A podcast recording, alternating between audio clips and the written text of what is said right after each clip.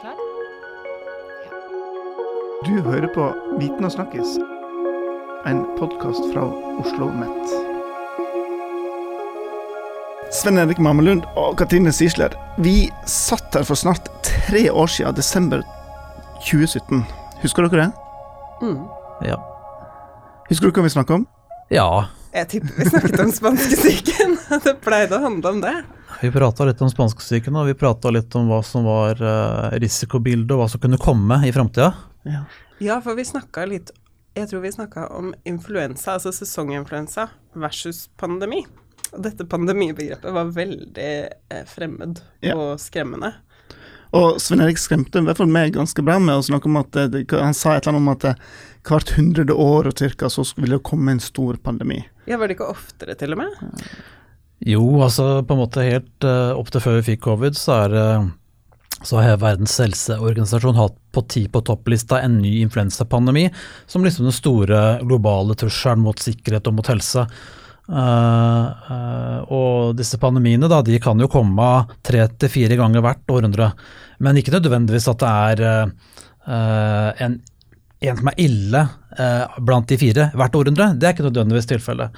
Men det var noe sånn da i forrige århundre at det var en av de fire i forrige århundre som var veldig ille, altså uh, spanskesyken i, i 1918. da. Ok, la oss spille av eh, et lite klipp fra da podkastepisoden desember 2017. Vi er jo veldig redd for at det skal komme en eh, ny pandemi, altså vi er, eh, som er veldig alvorlig.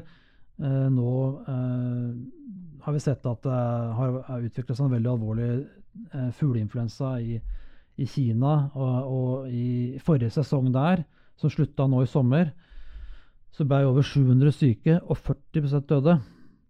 Og vi vet at 40 40 av de 700 døde. Nesten halvparten av, av de 700 døde. Mm. Og vi vet at kun små endringer i det viruset kan føre til at vi får en ny pandemi som, som sprer seg lett mellom mennesker. Og vi tenker det at eh, med økt sosial ulikhet også, som har vært dokumentert uh, i det siste for hele verden, så, så kan dette potensielt være en cocktail for en uh, katastrofe. Så det vi på en måte tenker uh, er, viktig, er at for det første er, er jo å jobbe for å redusere fattigdom og ulikhet i verden. Mm. Men også inkludere sosial ulikhet. at man tar høyde for det i pandemiberedskapen.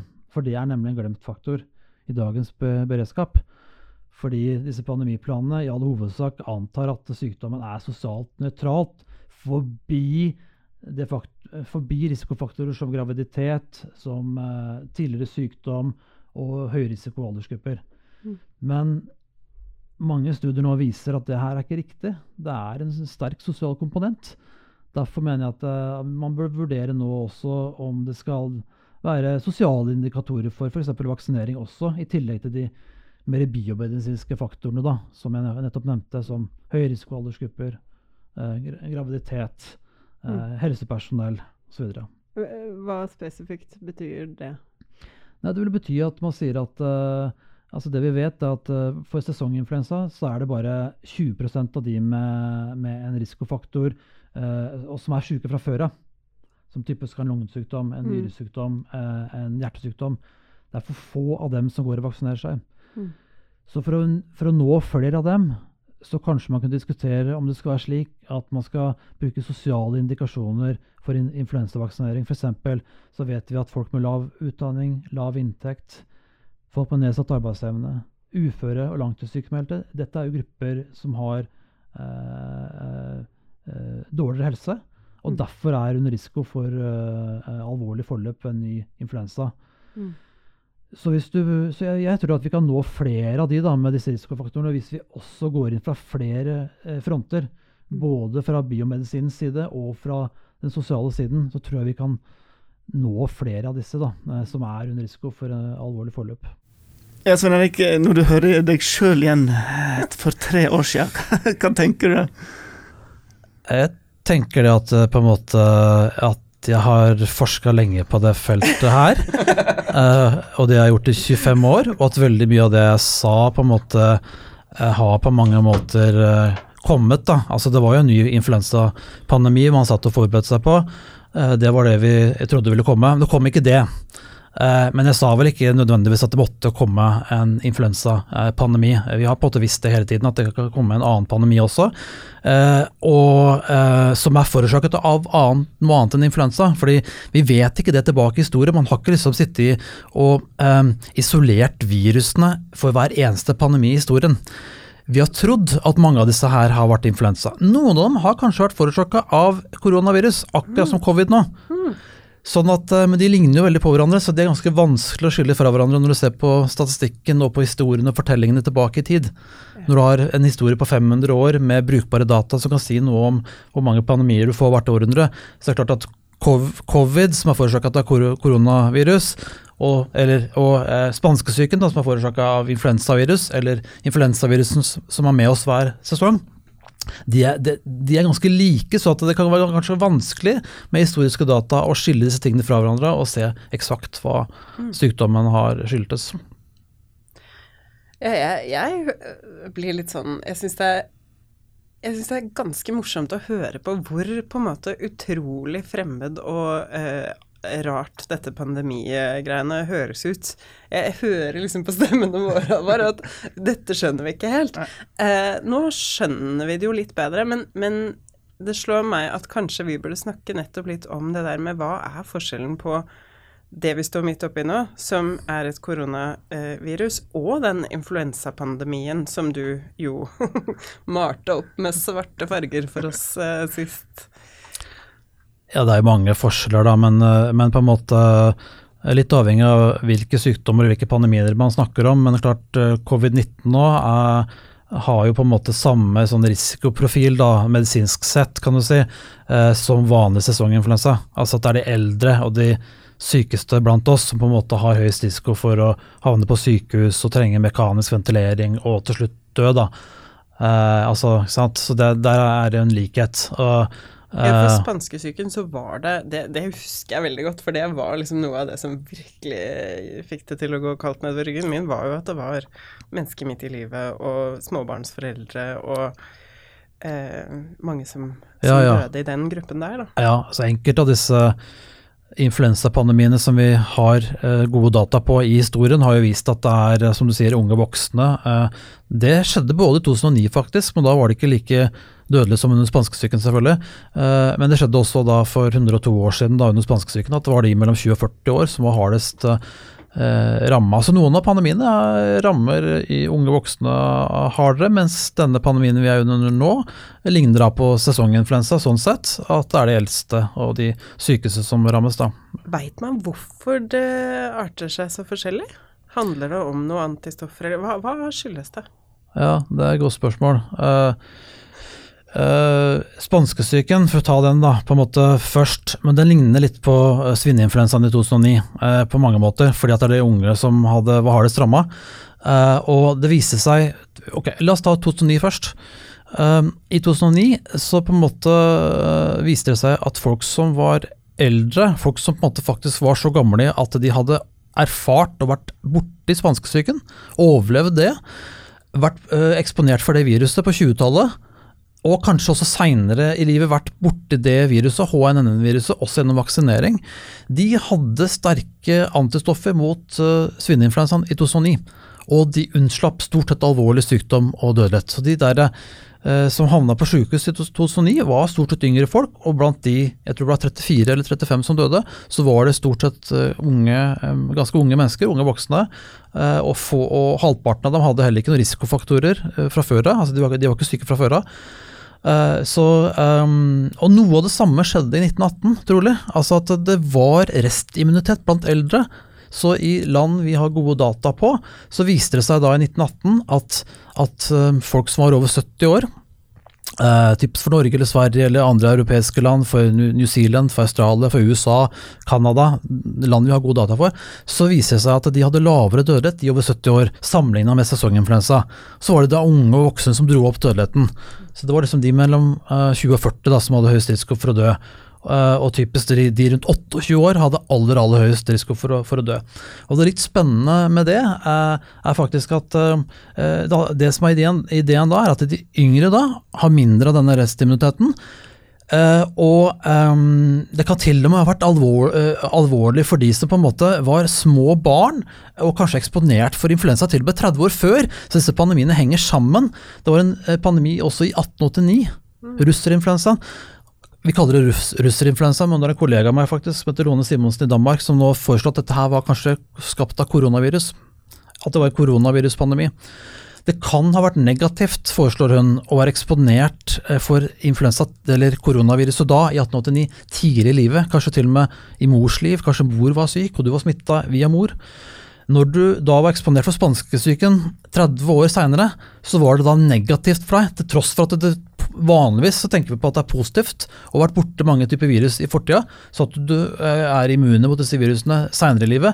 Men akkurat dette tilfellet her, så kan det ha vært negativt å vært eksponert for koronaviruspandemien i 1889. Når du da 30 år seinere ble eksponert for spanskesyken. Så er det mange ting som går litt i ulike retninger, mm. men det er en nøkkelfaktor. Eh, det er med restimmunitet i befolkningen, og hvem som har det. Mm. Og Det ser vi også nå under covid. At det kan være sånn at barn, og uh, kanskje til og med også fattige mennesker i Eh, en del lavinntektsland som har bodd veldig veldig trangt, så lurer man oppå i dag er det, hvorfor er så dødeligheten så lav der. Eh, er det fordi de har vært eksponert mye for lignende type virus i, i fortida, eller i, i nær, eh, nær, tid også? Og Er det derfor de på en måte kanskje ikke ender opp med å bli alvorlig syke, eller er det fordi man da underveis nå så blir så i høy grad smitta, og så er de unge der, og er det grunnen til at de også da har lavere dødelighet?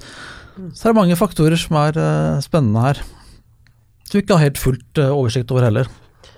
Ja, for jeg har, um, jeg har oppholdt meg litt i, i utlandet, ja, da, i denne perioden. Uh, og der uh, sa vi litt spøkefullt Jeg var i New Zealand mens pandemien rammet. Um, og da sa vi litt spøkefullt at fordi koronavirus er et slags forkjølelsesvirus, ikke sant, ja. at det på en måte kan kalles the uncommon cold. Er det, er, det, er det lov å si? Er det riktig? Eller er det bare tøys? Ja, Common cold vil jo være på en måte det der vi er eksponert for The hele året, call, ja, og særlig gjennom vinteren. ikke sant? Og, og, dette er en uncommon. Jo, men det er klart det er en uncommon cold. Det er en type forkjølelsesvirus, uh, uten tvil. Men da blir jo jeg egentlig litt nervøs, fordi har vi noen gang klart å hoste opp noe vaksinasjon eller noe sånn mot et forkjølelsesvirus? Nei, Det er jo et kjempeinteressant uh, spørsmål. Det, det, så vidt jeg vet, så har vi ikke det. Altså klart, Nå hadde vi SARS, eh, som var i 2002 og 2003. Og SARS da, det var også forårsaka av koronavirus. Det greide vi å få bukt med gjennom helt sånne klassiske på en måte smitteverntiltak. Dødeligheten var mye høyere, det var rundt 10 uh, dødelighet eh, da. rundt 8000 som smitta og rundt 800 som døde. Eh, men da, da, greide man altså altså få, få bukt med det med klassisk, klassiske smitteverntiltak. Men, grunn, men, nettopp fordi man fikk bukt med det, så hadde jo heller ikke legemiddelindustrien noe initiativ til å lage noe vaksine mot det viruset, for, for det fikk man jo bukt med, og så ble det borte i gåseøynene. Altså vi, vi fikk kontroll på det. Så det er ikke lagd noen vaksine som lå klar nå da, ikke sant, når vi fikk en ny pandemi nå, som var forårsaka av, eh, av, et uh, lignende virus. da, Så hadde vi ikke noe erfaring med å lage vaksine mot, uh, mot uh, SARS, da, eller mot kanskje andre koronavirusutbrudd, f.eks. MERS, som også er skapt av korona. Der, her, så vidt jeg vet, finnes det ikke noe vaksine på plass mot det heller. Men du, som, som, forsker på den tematikken her, når vi snakka sammen i 2017, så var det som en sånn bakoverblikk. Du hadde brukt masse tid på spanskesjuka, og vi så liksom 100 år tilbake, og liksom, masse kunnskap rundt det. Eh, og nå står vi midt i en eh, pandemi. Eh, hva, hva, gjør du nå på, som en forsker her, når du står midt i, i dette? Er det noe poeng å bruke tid på forskning her? Vil du bare vente til dette er over, og så starte forskningen, eller hvordan er det forskerlivet? Nei, altså vi var jo så heldige å få et uh, prosjekt på influensa og sosial ulikhet. Ting jeg snakka om for, i 2017. Hadde i flere år prøvd å få uh, forskningsmidler på det feltet her, og fikk det da i, i fjor fra det såkalte Samris-programmet i Forskningsrådet. men så kom jo nå covid da i, i, år, og vi var så vidt i gang med dette prosjektet på, på influensa. Uh, og selvfølgelig da kom det også en hastekål fra Forskningsrådet, som du sikkert husker, på det med å gi svar på en del spørsmål som helsemyndighetene da ønska raskt svar på. Så vi skrev en søknad og fikk penger også på, på denne hastekålen på covid i, i vinter. Så alt har jo egentlig handla om å, å, prøve å få penger på å gjøre covid-forskning, og ikke minst da å, være, eh, å, å svare på henvendelser fra, fra, media, men også på en måte å, vise frem hva vi kan eh, også på det feltet her. Eh, så vi har, har hatt direkte kontakt også med, med, med, med, media for å vise hva vi, hva vi kan på det feltet her. Mm. Men, men, men, er det noe poeng å sitte og forske på dagens altså covid-pandemien som pågår akkurat nå, når det endrer seg? altså fra dag til dag, fra måned til måned, så vi blir jo stadig overraska over ting som skjer. Jo, men det er riktig. Men det er noen konstanter òg. Sånn som at uh, selv om sant, vi, vi, vet nå at det er de eldste som er, er, uh, har høyest risiko for å dø.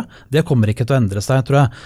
Uh, og så ser vi da at fra historien også så har vi visst at det kanskje ulike grupper kan på en måte være hardere ramma på noe, la oss si ved, ved å bli smitta i ulike faser. så det er ikke veldig overraskende for meg nå å se at det var 40-50-åringer som kom tilbake fra skiferier i, i Ischgl i Østerrike og, og Italia og sånn, som ble syke først. Og at det nå plutselig er det snakk om liksom studentene og, og folk i 20-åra. De var ikke smitta på, på, på, vårparten. Men dette her har vi sett før også, at liksom, uh, hvem som blir smitta og blir syke, kan på en måte endre seg uh, over tid. Det er helt riktig. Men konstanten her er jo på en måte uh, viruset, så vidt jeg vet, selv om det kanskje endrer seg litt hele tiden, har det ikke endra seg så mye at det da gjør noe forskjell i forhold til dødelighet, så vidt jeg veit, f.eks. Og det er altså de eldste som er hardest ramma fortsatt. Og det er også dessverre da de eh, holdt jeg på å si, eh, dårligst stilte i forhold til eh, fattigdom og trangboddhet og ulikhet, utdanning, inntekt. Urfolk er fortsatt veldig hardt ramma, som jeg har sett i mine tidligere studier på, på pandemier. Det er på en måte etniske minoriteter og innvandrergrupper er hardere ramma. Det har vi sett før også. Eh, så der er det konstantene. De sosiale risikogruppene og de medisinske risikogruppene er ganske konstante her over tid, og også nå underveis under covid. Så vi gjør jo vi gjør et eh, forskerarbeid som vi akkurat sendte av gårde nå, hvor vi brukte arbeidslivsbarometerdata eh, i vinter, det er spørreskjemadata, fanga opp hvem er det som på en måte har etterlevd eh, eh, myndighetenes smittevernråd. Alt fra håndvask til å holde en meter avstand, hvem kan ha hjemmekontor, Eh, hvem har på en måte reist mindre? Hvem har på en måte i det hele tatt etterført alle de rådene som myndighetene har kommet med? Eh, og da viser det seg at eh, på det aller meste av dette her, selv om de fleste f.eks. da har vaska hendene sine mer, 95 på seg sier de at de har vaska hendene mer, men likevel, og, og, veldig mange sier de at de har på en måte holdt denne meteren osv. Og, uh, og reist mindre og, og, liksom hatt færre fysiske møter osv. Hatt mer Zoom-møter og, så, og, sånne ting. Men allikevel så viser det seg at på de fleste komponentene vi har sett på, av smitteverntiltak, så er det en sosial komponent. Altså at det er folk som har høyere utdanning og inntekt, i større grad har etterlevd dette her. Og Det er kanskje ikke så rart at det er sånn som oss, f.eks., som har kontorjobber, i større grad kan jobbe hjemme, f.eks., ha hjemmekontor. Det kan du ikke gjøre hvis du er taxisjåfør, hvis du er bussjåfør eller jobber i butikk. Så det er på en måte, ja, Men disse, disse tingene, den informasjonen er viktig allikevel for helsemyndighetene nå å få, og vite at det er sånne type forskjeller. Og hva skal man gjøre med det? For potensielt da, hvis sånne ting vedvarer, og det vil jeg anta at det igjen kanskje er en konstant, det kommer til å vedvare, vedvare at det er sånne type forskjeller. Fordi folk har forskjellige typer familieliv, forskjellige typer yrkesliv, arbeidsliv, fritidsliv. og så, Sånne forskjeller kommer til å se også framover. Og det vil til slutt kunne bety, hvis man får oppblomstring og og, mer smitte, eh, også til at det kan bli sosial ulikhet, til dødelighet også. Hvilket man vil, selvfølgelig vil unngå. Prøv å tenke tilbake. Jeg tror det var noe av det jeg sleit mest med å liksom eh, forstå da du snakket om pandemi sist, var disse mer sånn dagliglivs fysiske begrensningene vi plutselig da eh, både ble pålagt og la på oss selv. Eh, fordi man er så vant til å tenke at sykdom handler om medisin. Og at det på en måte ikke ligger en sånn sosial faktor i det. Men det demrer for meg at du sa det sist òg, at eh, skole ble stengt under spanskesyken, og at det på en måte Men da var du nok mest opptatt av konsekvensene det fikk for de det på en måte ramma, da. Altså de ungene som ikke dro på skolen og sånn. Hva eh, Minn meg på hva det var du egentlig på en måte har sett fra spanskesyken der.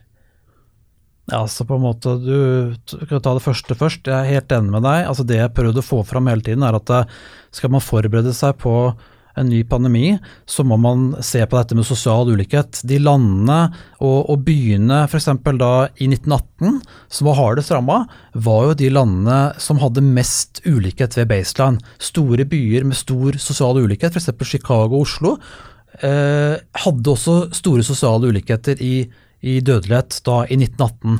Og Vi ser på en måte mye av det samme nå da i, i dag, at det er eh, på en måte stor sosial ulikhet. Eh, når det gjelder ulike utfall, alt fra smitte til eh, sykehusinnleggelser og dødelighet, i land hvor det er så stor sosial ulikhet ved baseline, f.eks. i UK, i England for eksempel, og i, USA ser du det samme, i Brasil ser du det samme. Dette er land med veldig stor sosial ulikhet før det kommer en pandemi. Og de får nå da, ikke overraskende, eh, da stor sosial ulikhet i disse pandemiske uh, utfallene. Da. Så Det er det på en måte jeg har advart mot hele tiden, at det kommer en situasjon uh, med en ny pandemi hvor man ikke har vaksine. Da. Altså det, sånn det, er, det, handler så veldig mye om det handler så mange, om, om, så mange andre ting da, enn det på en måte å, å lage denne vaksinen eller ha gode antivirale legemidler eh, eller om masker eh, og, og smittevernutstyr. Alt dette er selvfølgelig viktig, eh, men på en måte uten vaksine og antivirale legemidler, så er det det eneste du har da, er å passe på at på en måte flest mulig etterlever rådene. At det er minst mulig sosial ulikhet i hvem som kan etterfølge eh, rådene. Da. Det har på en måte vært mitt budskap eh, hele veien. og Det ser man også tydelig nå, at det er veldig viktig. Det er ikke en medisinsk risikofaktor å være en taxisjåfør som ikke kan på en måte gjøre noe annet enn å kjøre den bilen uh, i jobb. Det er det man gjør som sitt, sitt, sitt yrke. Men da blir du mer eksponert og har mer sannsynlighet for, for, for å bli smitta. Man ser det til og med fra USA, hvor det er forskjeller mellom helsepersonell som antas da kanskje på en måte være eksponert på lik måte på sykehuset.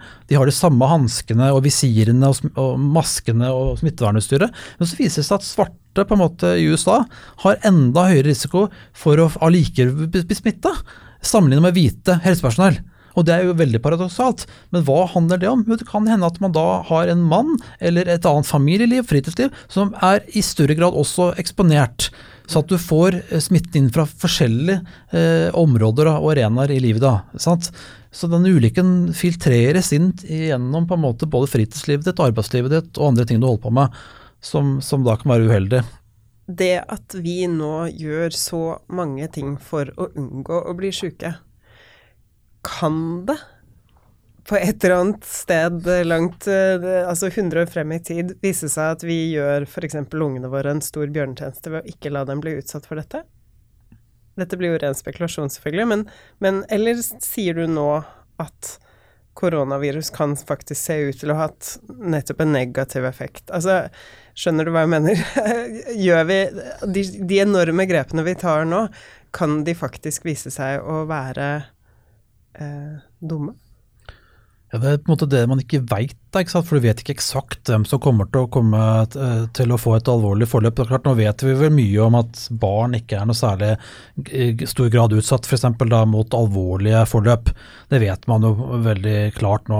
Nå har vi liksom nok data eh, for Norge og for hele verden egentlig til å si det klart og tydelig. Uh, jeg vil vel ikke allikevel anbefale liksom, å ta sjansen på uh, og tenke da at uh, kanskje hvis liksom, barnet går gjennom noe nå, så kan dette kanskje potensielt beskytte deg 50 år seinere mot noe annet. jeg tenker at vil man, jeg vil ikke anbefale å ta sjansen på det, for man vet ikke eksakt. Kanskje enkelte barn allikevel har et eller annet. Noen ganger så viser det seg at Uh, under svineinfluensaen så var det enkelte barn som kanskje sånn Hvis du ikke har en oppdaga, du visste ikke om det, foreldrene mm. visste ikke om at det var uh, et eller annet risikofaktor ved ditt barn eller ved deg selv eller andre rundt deg, og så får du en sånn type sykdom, og så viser det seg likevel at oi, shit, du hadde et eller annet som du ikke visste om, som var uoppdaga. Uh, ikke sant? Og sånt du vet jo kanskje ikke om på forhånd, og da tenker jeg at nei, vi må ikke ta, ta noen sjanser der. Så mm. Man, eh, men det er klart, alle disse tiltakene vi gjør nå, det som, er, som jeg tenker at det i hvert fall er ganske klart, er at eh, altså, de har jo til hensikt, altså f.eks. skolestenging, eller det å si at du, skal, du må ha avstand og vaske hender og alt dette det, det, det, det, har jo til hensikt å på en måte uh, utsette et forløp, prøve å, å, å, på en måte sørge for at toppene på en måte ikke blir så høye, og, og, og spre ting utover tid. Også for å passe på at ikke helsetjenesten blir overbelasta. Det er det hensikten med disse tiltakene. Men det det fører til, er selvfølgelig at ting blir også spredt veldig utover tid. Så potensielt nå så får man selvfølgelig et lengre forløp enn det man ellers kunne fått hvis man hadde liksom alt bare hadde brent gjennom, selvfølgelig. Men det, det, jo, det tar vi jo ikke sjansen på, for vi vet at uh, noen vil kunne ende, sånn som du ser i Sverige hvor det er veldig mange flere som har dødd. Mm. Så, så, er det ikke det man da eh, ønsker, da. Men ja, du forlenger jo en pandemi også ved å gjøre dette her. Men forhåpentligvis så gjør vi det så lenge uh, til at vi greier å å få eh, noe effektive eh, legemidler da, og, og vaksine, får vi håpe på. da. Jeg husker også at jeg spurte deg sist om eh, hvor mange som ble sjuke av spanskesyken. Og da husker jeg at du svarte at det nesten er helt umulig å si. Og det begynner man jo å skjønne litt bedre nå, fordi hvem veit eh, hvem som har hatt det, og hvem som ikke har hatt det. Eh, men jeg mener du sa noe om at omtrent halvparten av verdens befolkning beregnes å ha vært sjuke.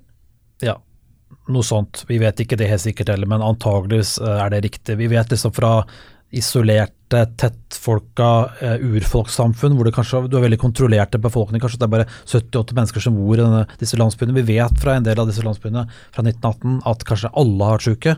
Uh, ikke sant? Uh, uten at vi på en måte har fått det selvfølgelig laboratoriebekrefta, for det, det, var ikke mulig da i 1918 å laboratoriebekrefte influensa. Uh, og, men på en måte, vi ser det så tydelig nå altså det, at du bare uh, uh, ser toppen av isfjellet ikke sant, når det gjelder disse laboratoriebekrefta tilfellene, mm. og at det er kanskje tre-fire-fem-gangeren ikke sant, som på en måte er det reelle tallet, men allikevel det er også usikkert. Så Derfor så sitter vi helt der og justerer tallet på andelen av de smitta som dør. Disse Folkehelsa endrer disse tallene hele tida. Vi har hele tida sagt at det, er godt under 1% Det har vi på en måte Uh, visst i gåsehudene hele tiden. Uh, men nå siste tallene var 0,3 nå, så jeg. Og det er da tre ganger så høy dødelighet blant de smitta som det som er vanlig under sesonginfluensa, som er 0,1 mm. Så er det da muligens nå 0,3% Men igjen, dette er tog i bevegelse. Vi vet jo ikke helt hva som er konklusjonen. disse tallene kan også endre seg. men det har gått i hvert fall i retning hele tiden at det er blitt lavere og lavere, dette tallet. Heldigvis, da. Mm. Men mye skyldes jo nå at det er fordi Eh, holdt jeg på å si, eh, nevneren, altså på en måte hvem som blir smitta, eh, er nå da yngre. Det er 20-åringer, mm. og de har da ikke alvorlige komplikasjoner i noe særlig grad, eller har ikke noe særlig høy risiko for å dø, da. Mm. Dere, helt til slutt, hvis vi liksom legger fra oss litt eh, forsker og, og, og titler her og sånne ting, og blir litt personlig Altså, jeg kan begynne med meg sjøl. Jeg er frisk, familien er frisk, jeg har en jobb å gå til. Jeg har egentlig ikke noe jeg skulle klage over, men jeg er drittlei dette her eh, opplegget her. Eh, jeg er lei av Zoom, jeg er lei av å holde avstand, jeg er lei av lukta av antibac dagen eh, lang. Eh, hvordan går det med dere? Der husker jeg også noe fra det du sa sist. For du sa at eh, det tok lang tid før man begynte å forske på spanskesyken. Fordi Eh, Halvard, spanskesyken kom faktisk rett etter en svær krig. Tenk hvor lei de var! altså, ikke bare hadde de eh, nettopp måttet liksom leve med eh, krig i hvor mange år i Norge? Hvor ja, det var fem år var varte for krigen ja. alt i alt, men klart vi var nøytrale, men allikevel. Ja. Vi var redde for framtida og for Europa og for alt som skjedde, vi også. Ja, den ramma jo, og så kommer dette her. Jo, jeg er veldig lei, men jeg, eh, det er utrolig hvor fort det nye normale på en måte har blitt normalt. Og det er litt tankevekkende da, å høre tilbake til 2017, hvor på en måte langt unna det vi sto da. Mm. Hva med deg, Sven Erik, når du ikke er forsker, Sven Erik, men privat Sven Erik. Er du lei, eller ja. hvordan har du det? jeg, jeg er lei. Altså på en måte jeg er en veldig sosial uh, fyr. Jeg liker å være sammen med mennesker. Jeg liker også å klemme. Uh, uh, og jeg savner kolleger jeg ikke trodde jeg egentlig savner, eller skulle komme til å savne, faktisk. og det gjelder nesten de fleste. Og det syns jeg er ganske Det er jo litt sånn sårt og rart. så, og jeg tjener til og med på bare å komme meg inn hit. At dette er vel femte gangen jeg er inne i Oslo siden, siden lockdown, siden, siden 11. mars. 12. mars var lockdown. Jeg var på jobb siste gang eh, liksom ordentlig. 11. mars. Vært innom bare noen få ganger. Så jeg kjenner jo nesten på det bitte lille jeg har av sosial angst i meg, liksom. Ved bare å kjøre bil inn til byen og komme meg hit til dere, så er det noe med at det enda så, så på en måte tvers gjennom sosial jeg er.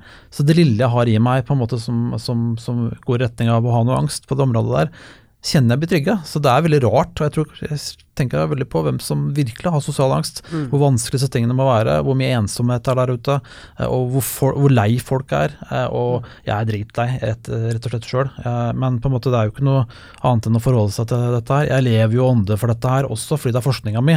Mm. Men selv for meg så er det jo litt drøyt og, og i overkant. Det har vært en veldig uh, rollercoaster og, og i, i år, uten tvil. Veldig spennende.